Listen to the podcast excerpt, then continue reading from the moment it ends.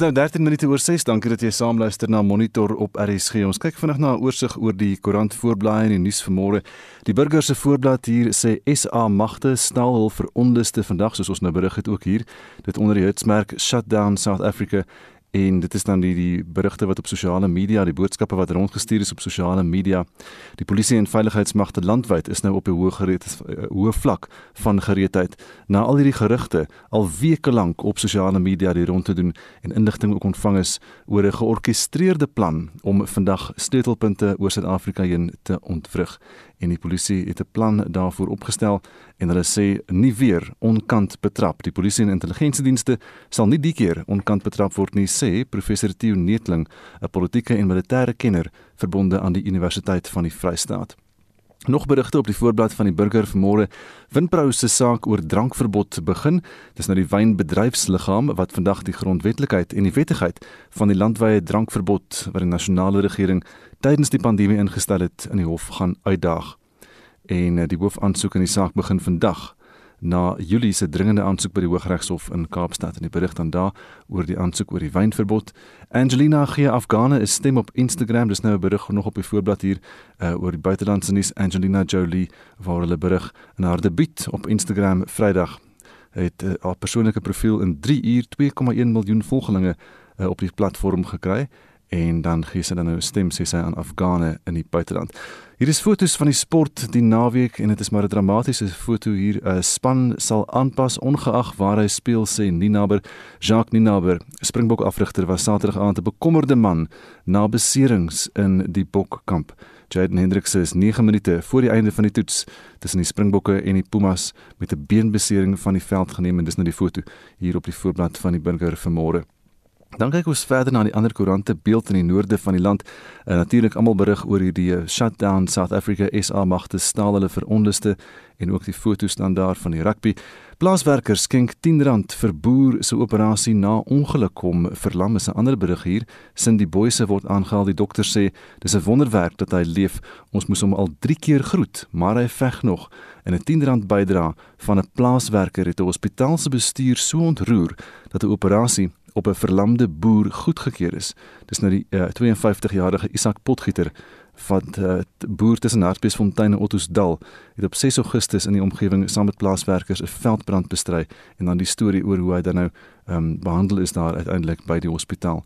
Die digitale voorblad van Volksblad, COVID in skole wek kommer, dis hulle berig leerdlinge word ernstig siek, toename in gevalle kortweek onderrig kommer heers in die Noord-Kaap en die Vrystaat oor al hoe meer koronavirusinfeksies in die skole en omdat dit al hoe meer blyk dat leerders wel ernstig siek kan word van COVID-19, jong mense wat siek raak en dan goud en silwer vir Goudveld se Minay.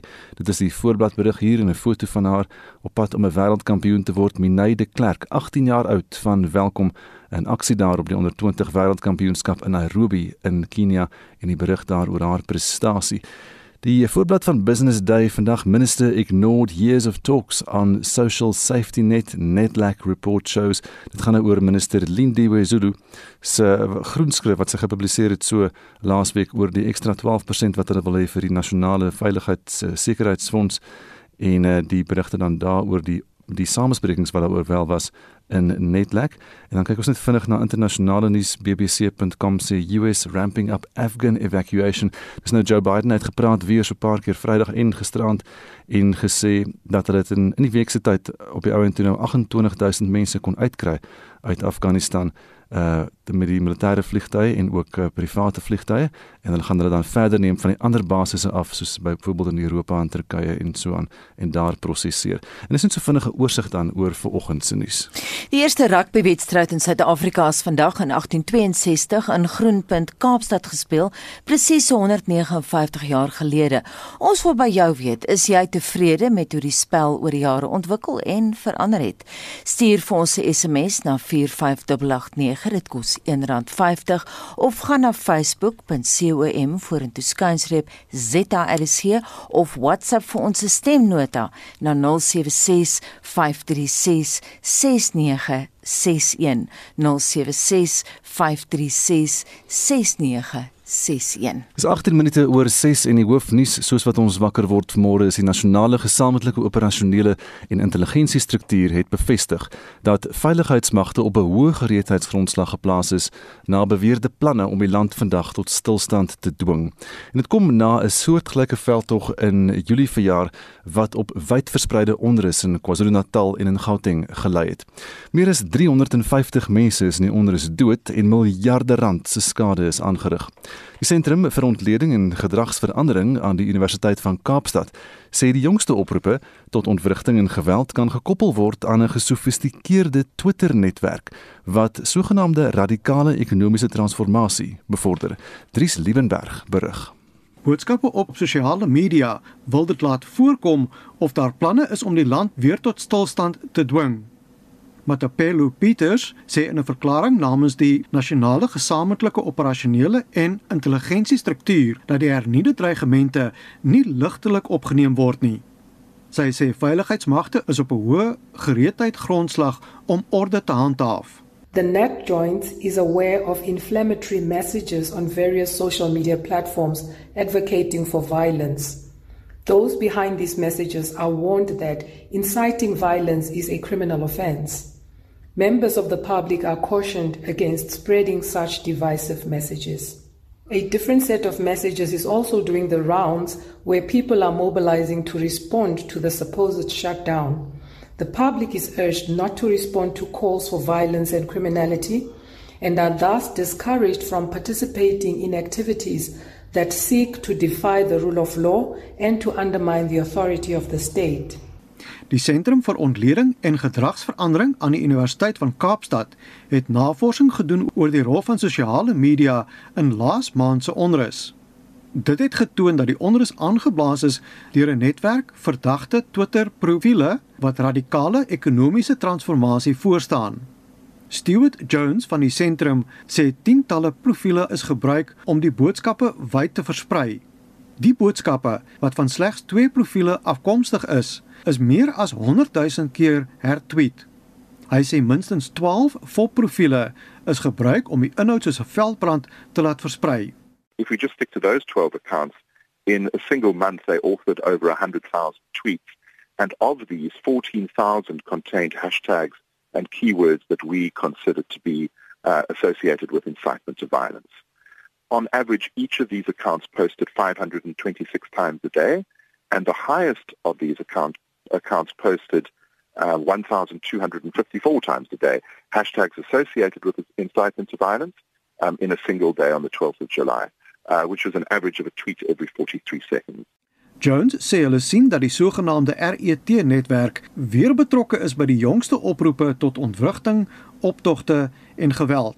Yes, social media has been pushing these messages out. The network that we have reported on has been pushing these messages out and there is a push for a shutdown on the on the 23rd, along with calls for marches and calls for violence. Whether that means that this is going to materialize or not is a completely different matter.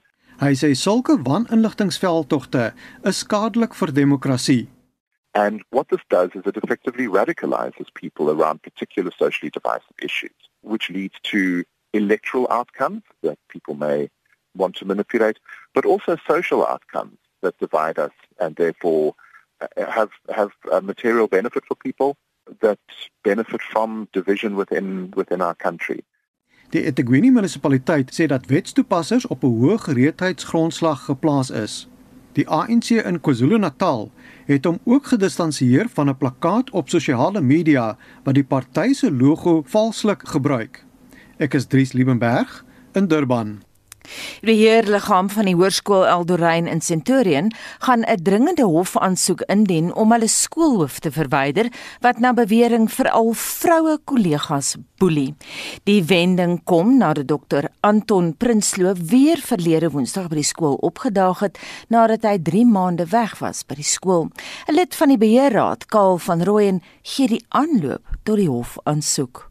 Die beste wat jy dit sien as onderwysers baie bedank en die BL het toe 'n uh, uh, buite maatskappy gekry om 'n uh, uh, ondersoek te doen oor wat is die probleem uh, binne die die onderwyskorps in die skool. En die verslag het toe daarop gewys dat ehm um, die probleem sit grootliks by die hoof en sy hantering van die personeel.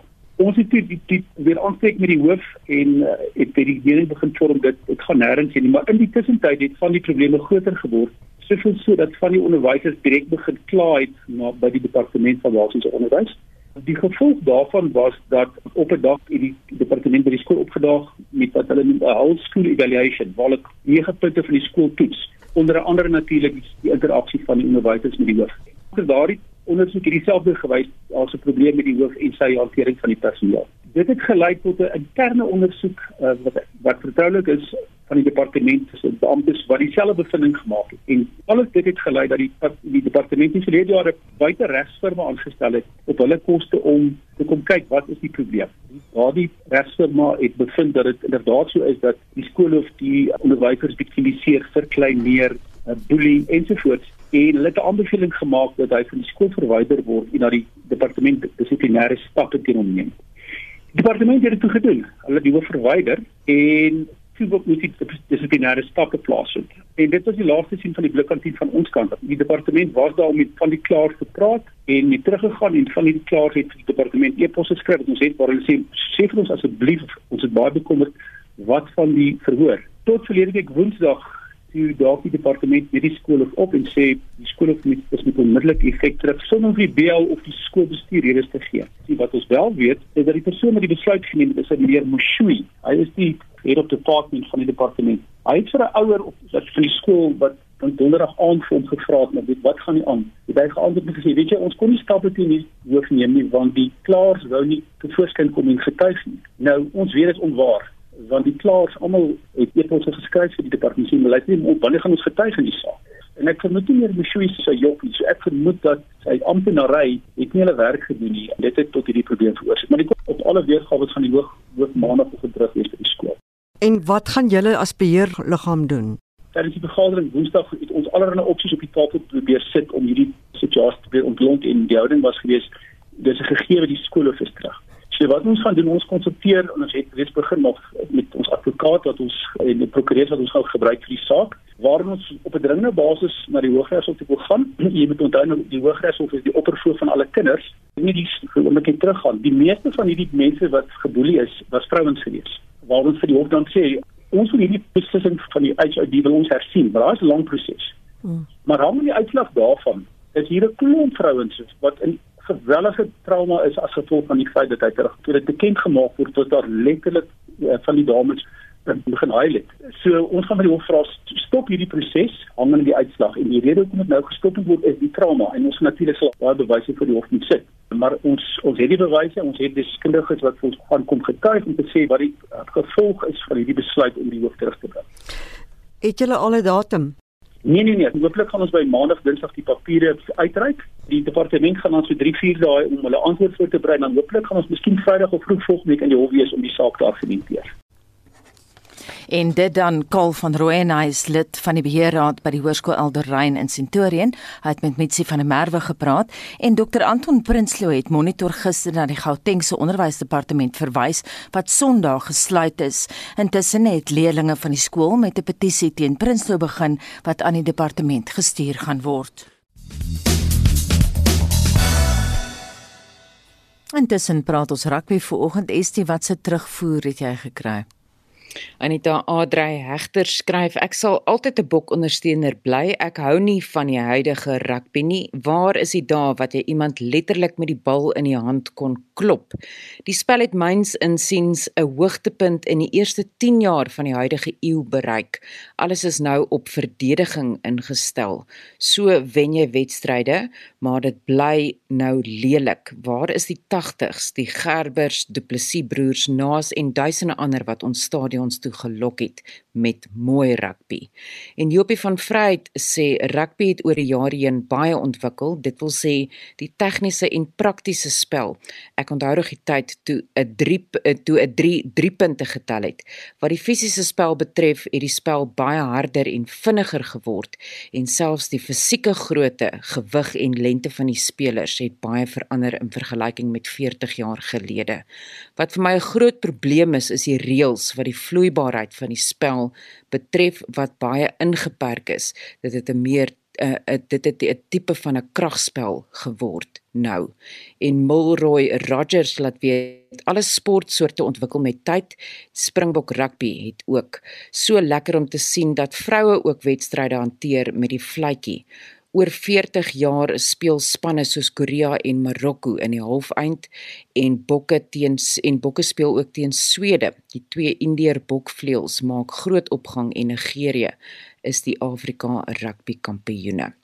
Die eerste groot rugbywedstryd in Suid-Afrika is vandag in 1862 in Groenpunt in Kaapstad gespeel. En ons wil by jou weet vandag is jy tevrede met hoe die spel oor die jare ontwikkel en verander het? Stuur vir ons 'n SMS na 45889 teen R1.50 per SMS gaan na ons monitor en spectrum Facebookblad en gesels daar saam of WhatsApp vir ons stemnota na 076 536 6961. Dis nou 25 minute voor 7 jy's by Monitor op RSG en van die rugby na die diewe, die jongste misdaadstatistiek skets 'n kommerwekkende prentjie.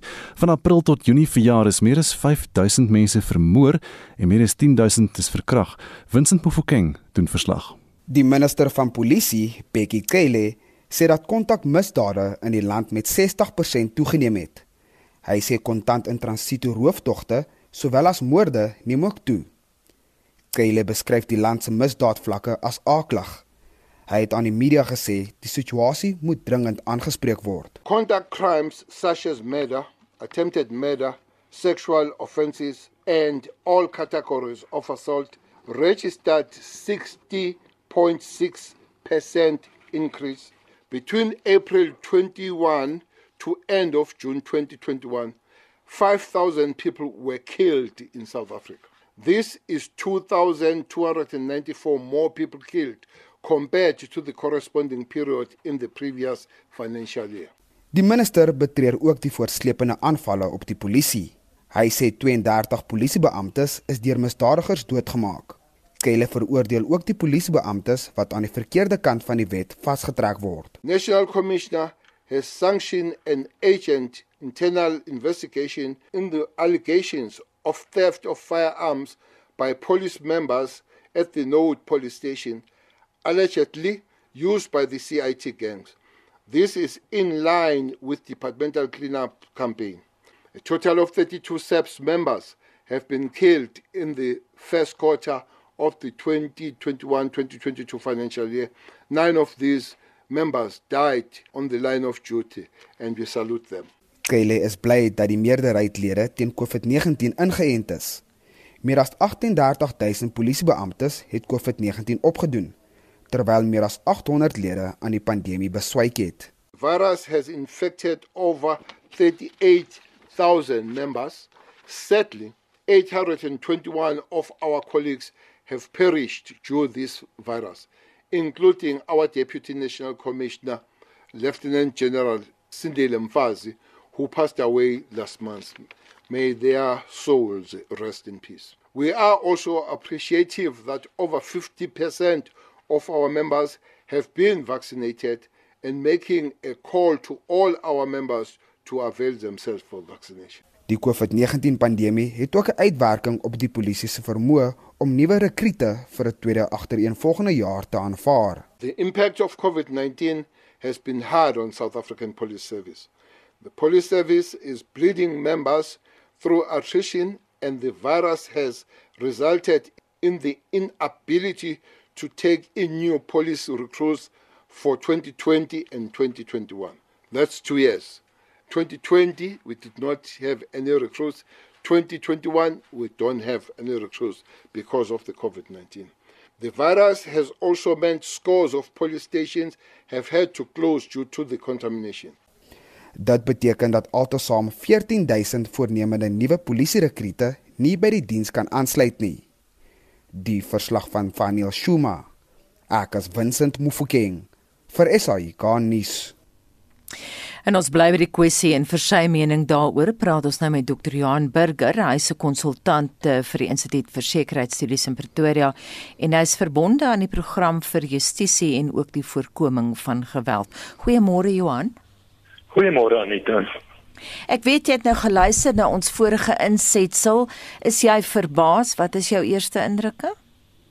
Nee, glad nie verbaas nie Anita. Ons ehm um, die polisie is al lankal ehm um, onder beleg as jy wil.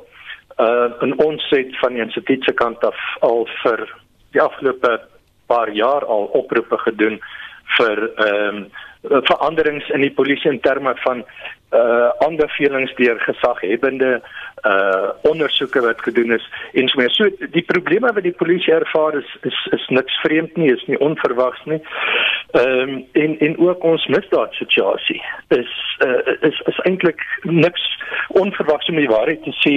Hierdie is maar net ons het 'n tydelike verligting gehad met die met die uh uh inperkings verlede jaar veral met vlakke 4 en 5, maar ons is uh weer op koers wat ons misdaad betref so ehm uh, voor voor die inperkings verlede jaar het ons al vir 8 jaar in 'n ry jaar op jaar stygings in ons ernstige geweldsmisdaad vlakke gesien en ons is nou weer op koers om van hierdie soort van opwaartse tendens voort te sit. So ja, nee, ons ons is in 'n krisis uh, en en niks van verbaas ons nie. Is daar iets spesifiek wat jou bekommer as jy so na die syfers kyk? Gustav, ehm um, Ja, jy weet wat wat uh, uitstaan is uh die feit dat ons uh, ernstige geweldsmisdade is is duidelik besig om om om toe te neem volgens die syfers. En en ehm uh, wat my bekommer is dat die uh, uh eiendomsgerigte misdade ehm uh, klaarblyklik ehm uh, besig is om om te daal. En ek is nie heeltemal seker dat dit 'n 'n ware eh uh, refleksie van die van die uh, situasie is nie. Ons ons ons weet ons het uh, ernstige probleme wat uh, eiendoms uh, gerigte misdade betref so wat dit vir my sê as uh, my vertolking het van reg is is dat minder mense ehm uh, uh, eiendomsmisdade by die polisie rapporteer en dit weer wys vir jou 'n uh, daling in die vertroue, openbare vertroue of publieke vertroue in die polisie se vermoë om enigiets aan aan hierdie tipe misdade te doen. Ja, en jy het nou verwys na die feit dat oor die afgelope 8 jaar sien ons stygings, daar's niks snaaks daaraan nie, maar kan jy 'n bietjie uitbrei daarop? Ja, kyk, ehm uh, Anita ons kom ons vat uh, moord en en uh, ehm um, ernstige roof of roof met verswaarende omstandighede as as as voorbeelde. Ehm um, in 2011-2012 het ons die draaipunt negatiewe draaipunt beleef. Jy weet tot in daardie stadium het het moord uh gedaal oor die voorafgaande tydperk van van 5495 af. Het hy gedaal met met 54% ehm uh, roof het gestyg tot in 2003 en toe dit ook begine daal. So daar was belowende tendense. Almal het verwag dat ehm uh, ons ons misdaad nou besig is om ons misdaad onder beheer te kry. Maar van 2011 2012 af het dinge uh, dramaties uh um, verander in in 'n negatiewe sin. Ons weet baie van die krisisse in die polisie het ook in daardie tyd tydstip uh, uh begin en daaroor kan ons nou lank praat. Mm. Maar van daardie tyd af het moord jaar op jaar toegeneem. Ehm um, in, in totaal met ongeveer uh uh 37% wat 'n taamlike dramatiese stygings vir 'n uh, ernstige misdaad soos moord is. Terwyl gewapende roof met 43% toegeneem het. Jy weet 'n gewapende roof sluit in goed soos soos ehm uh, motorkapings, huisrowe en en kontant uh, en transitrowe. Al hierdie ernstige uh, misdade waarvan ons so baie op uh, op uh, ons televisie en ander nuusdienste sien wat wat uh, uh, in jou gesig is. Jy weet so uh, ons het van hierdie kontant uh, en transitrowe gesien waar hierdie mense helder oordag in digte verkeer uh voertuie voorkeer en in opblaas. So ehm um, jy weet hierdie hierdie uh, kom ek voeg net dit by.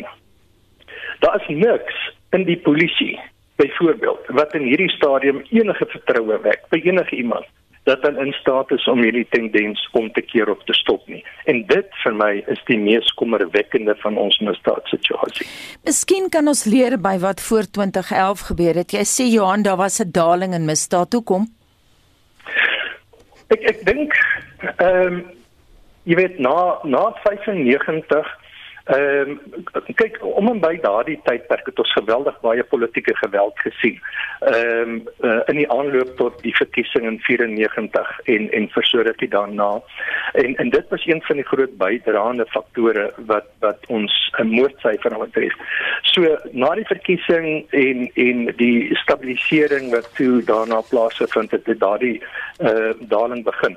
Toe het ons uh, roofsyfer uh begin uh, klim. En ek dink dit het weer te doen met die met die uh openheid van die Suid-Afrikaanse uh, samelewing. Uh, uh jy weet die, die binne die demokratiese omgewing uh ons grense het meer uh oopgeraak so daar was 'n groter en 'n makliker toevloei na die land. Dit alles weer het bygedra tot uh uh stygings in misdade soos gewapende roof. Ehm uh, maar van 2003 af het die polisie en jy weet hulle het 'n paar goed begin reg doen. Daar was uh, spesiale operasies binne die nasionale misdaadbestrydingsstrategie. Uh baie mense sal operasie Crackdown baie goed onthou. So daar was 'n uh, daar was 'n uh, 'n uh, toegewyde poging van die polisie se kant af om hierdie tipe misdade, ek praat nou spesifiek van gewapende roof onder die knie te kry en ek dink hulle het taamlik suksese toe behaal. Maar daardie tendens het het voortgesit eh, of is voortgesit of het voortgeduur tot ongeveer 2011 en toe daardie draaipunt begin ons weet die gemors wat in die polisie te ontstaan het met die uh, aanstelling van die verkeerde mense as kommissaris Reapega as byvoorbeeld in 2012 aangestel as kommissaris wat geen agtergrond in polisieering het nie. En en daarna het 'n uh, jy weet het daar probleme begin in in en en op 'n volgende probleme uh, misdaad intelligensie byvoorbeeld wat veronderstel is om die soeklig op misdaad en syndikaate en hulle leiers te plaas sodat die res van die polisie en vervolgingsgesag kan optree. Daardie uh uh, uh diens het basies in tye gestort en so kan ons aangaan. So ehm uh, dit is 'n uh, dis 'n komplekse 'n uh, 'n uh, uh, probleem wat uit uit uit baie fasette uit bestaan. Maar ek ek het nog steeds hoop dat dit omgedraai kan word, maar hier is 'n paar goed wat moet gebeur en ons het hulle beroep op direk op die president gedoen om te verseker dat aanbevelings wat reeds gedoen is, soos byvoorbeeld die paneel van deskundiges, die nasionale ondersoek ag nasionale ontwikkelingsplan, dat daardie aanbevelings wat uitstekende aanbevelings is, dat dit geïmplementeer word. Ons moet die polisie nou red, anders gaan dit heeltemal te laat wees. Gepraat van die syfers, hoe maak 'n mens met dit wat ons gesien het in Julie, uh hierdie plundertogte wat gebeur het in KwaZulu-Natal en in Gauteng. Um in terme van misdaadsyfers, gaan 'n mens elke TV wat by 'n winkel uitgedra stel as 'n sake rooftog, hoe hoe beheer en bestuur jy so iets wat nie gewoonlik gebeur nie? Ja, Gustav, dit is 'n interessante vraag. Kyk, daardie syfers is natuurlik nog glad nie ingesluit in hierdie syfers wat ons nou gesien het. Hierdie syfers was net tot einde uh Julie einde Junie jammer. Hmm. So Julie se syfers uh gaan met die volgende kwartaal verslag gaan dit uh uh in ons in ons misdaad syfers wys. En uh ja, jy weet uh ek is nie seker hoe hulle hierdie goed gaan hanteer in terme van uh die die misdaad syfers nie. Ehm uh, jy weet ek ek kan my amper nie indink dat elke uh insident waar 'n persoon by betrokke is as 'n as 'n selfstandige misdaad gaan gebruik uh, gaan hmm. uh uh jy weet aantekening. Ek vermoed dat uh hierdie goed op een of ander wyse saamgevat gaan word ehm um, as as 'n uh, 'n uh, uh, enkele insident. So ek ek kan eerlikwaar nie daai vraag antwoord nie. Ek dink dis iets waarmee die polisie gaan skryf want dit is 'n abnormale situasie wat 'n uh, 'n totale innoverende benadering gaan verg gaan verg uh, uh, in terme van uh, hoe hierdie uh, misdade gelys gaan word. Die, so, ek, ja. ek dink dit kan as enkele insidente elkeen hanteer kan word. Nie. Die polisie is baie gekritiseer oor wat daar gebeur het in Julie en nou vandag is daar hierdie beweringe wat gemaak word op sosiale media van nog 'n shutdown en nou lyk dit ons het hier 'n plan gesien die polisie berei vreeslik voor vir al die sleutelpunte om daar te wees um, om nou hierdie keer gereed te wees en nie so onkant gevang te word nie. Hoekom wat is aan die gang? Hoekom hoekom was hulle so onkant gevang die laaste keer?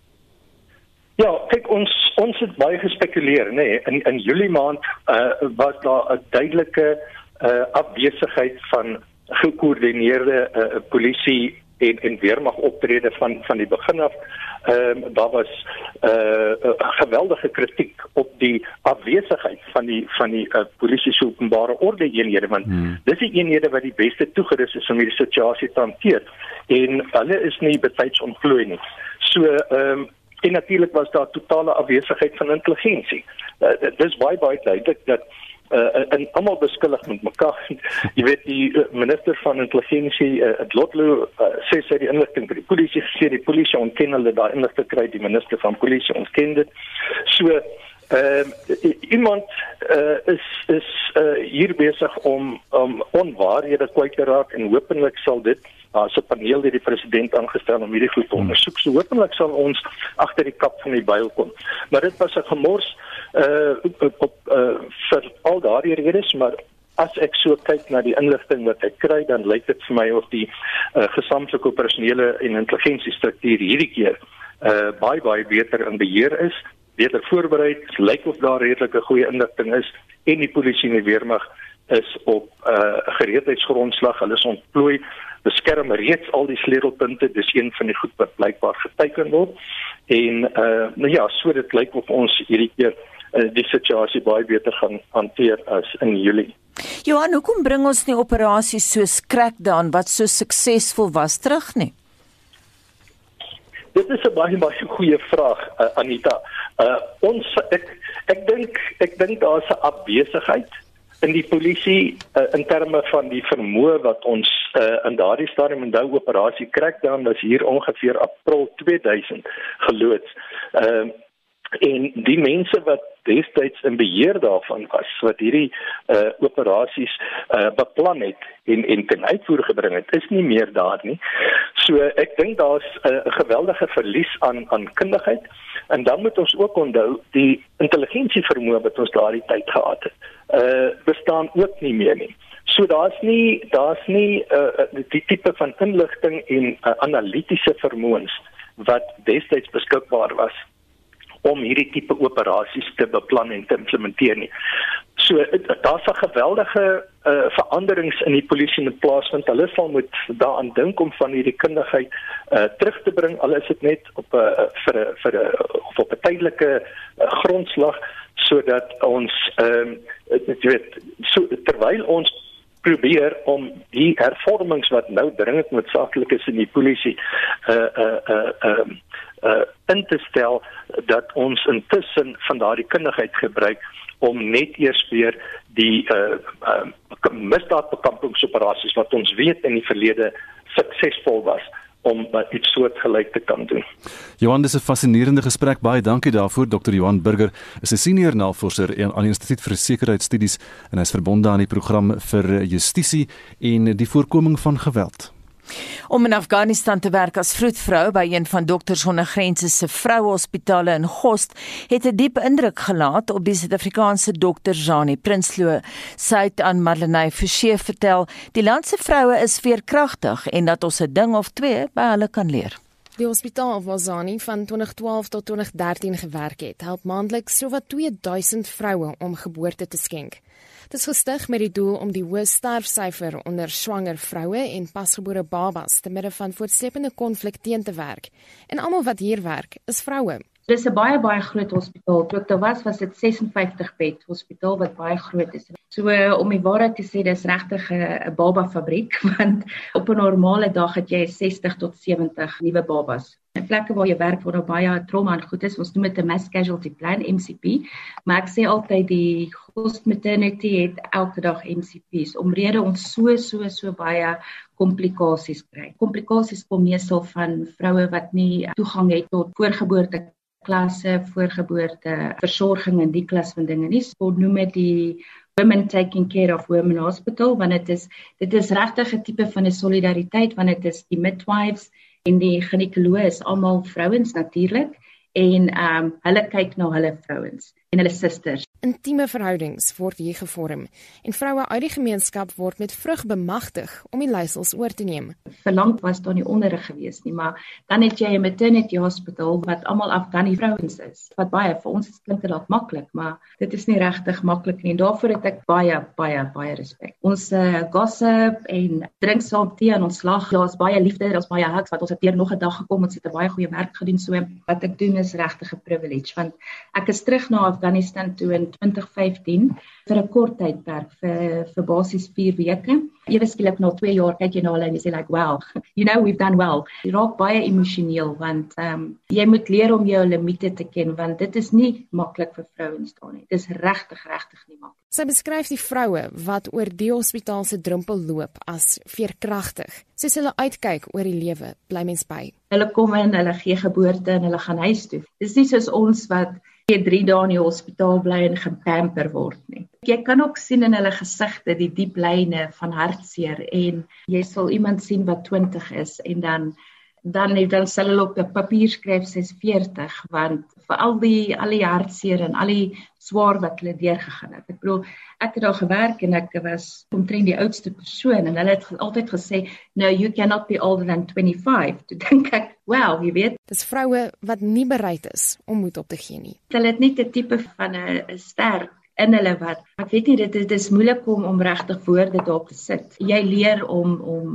nie te kerm oor klein dinge nie en ook hulle dankbaarheid teenoor jou. Ek bedoel elke keer as 'n uh, as 'n baba gebore is, dan sal die goggie dit is die die mother-in-law kom en weet sy sal jou soos jy met klein kinders maak, hulle wange so druk of hulle soen jou op jou voorkop of hulle bring vir jou suiker met tee want uh, hulle hulle drink baie tee met baie baie baie suiker. Hierdie vrouens het baie babas, maar hulle het ook baie kinders verloor in in die oorlog voor dit.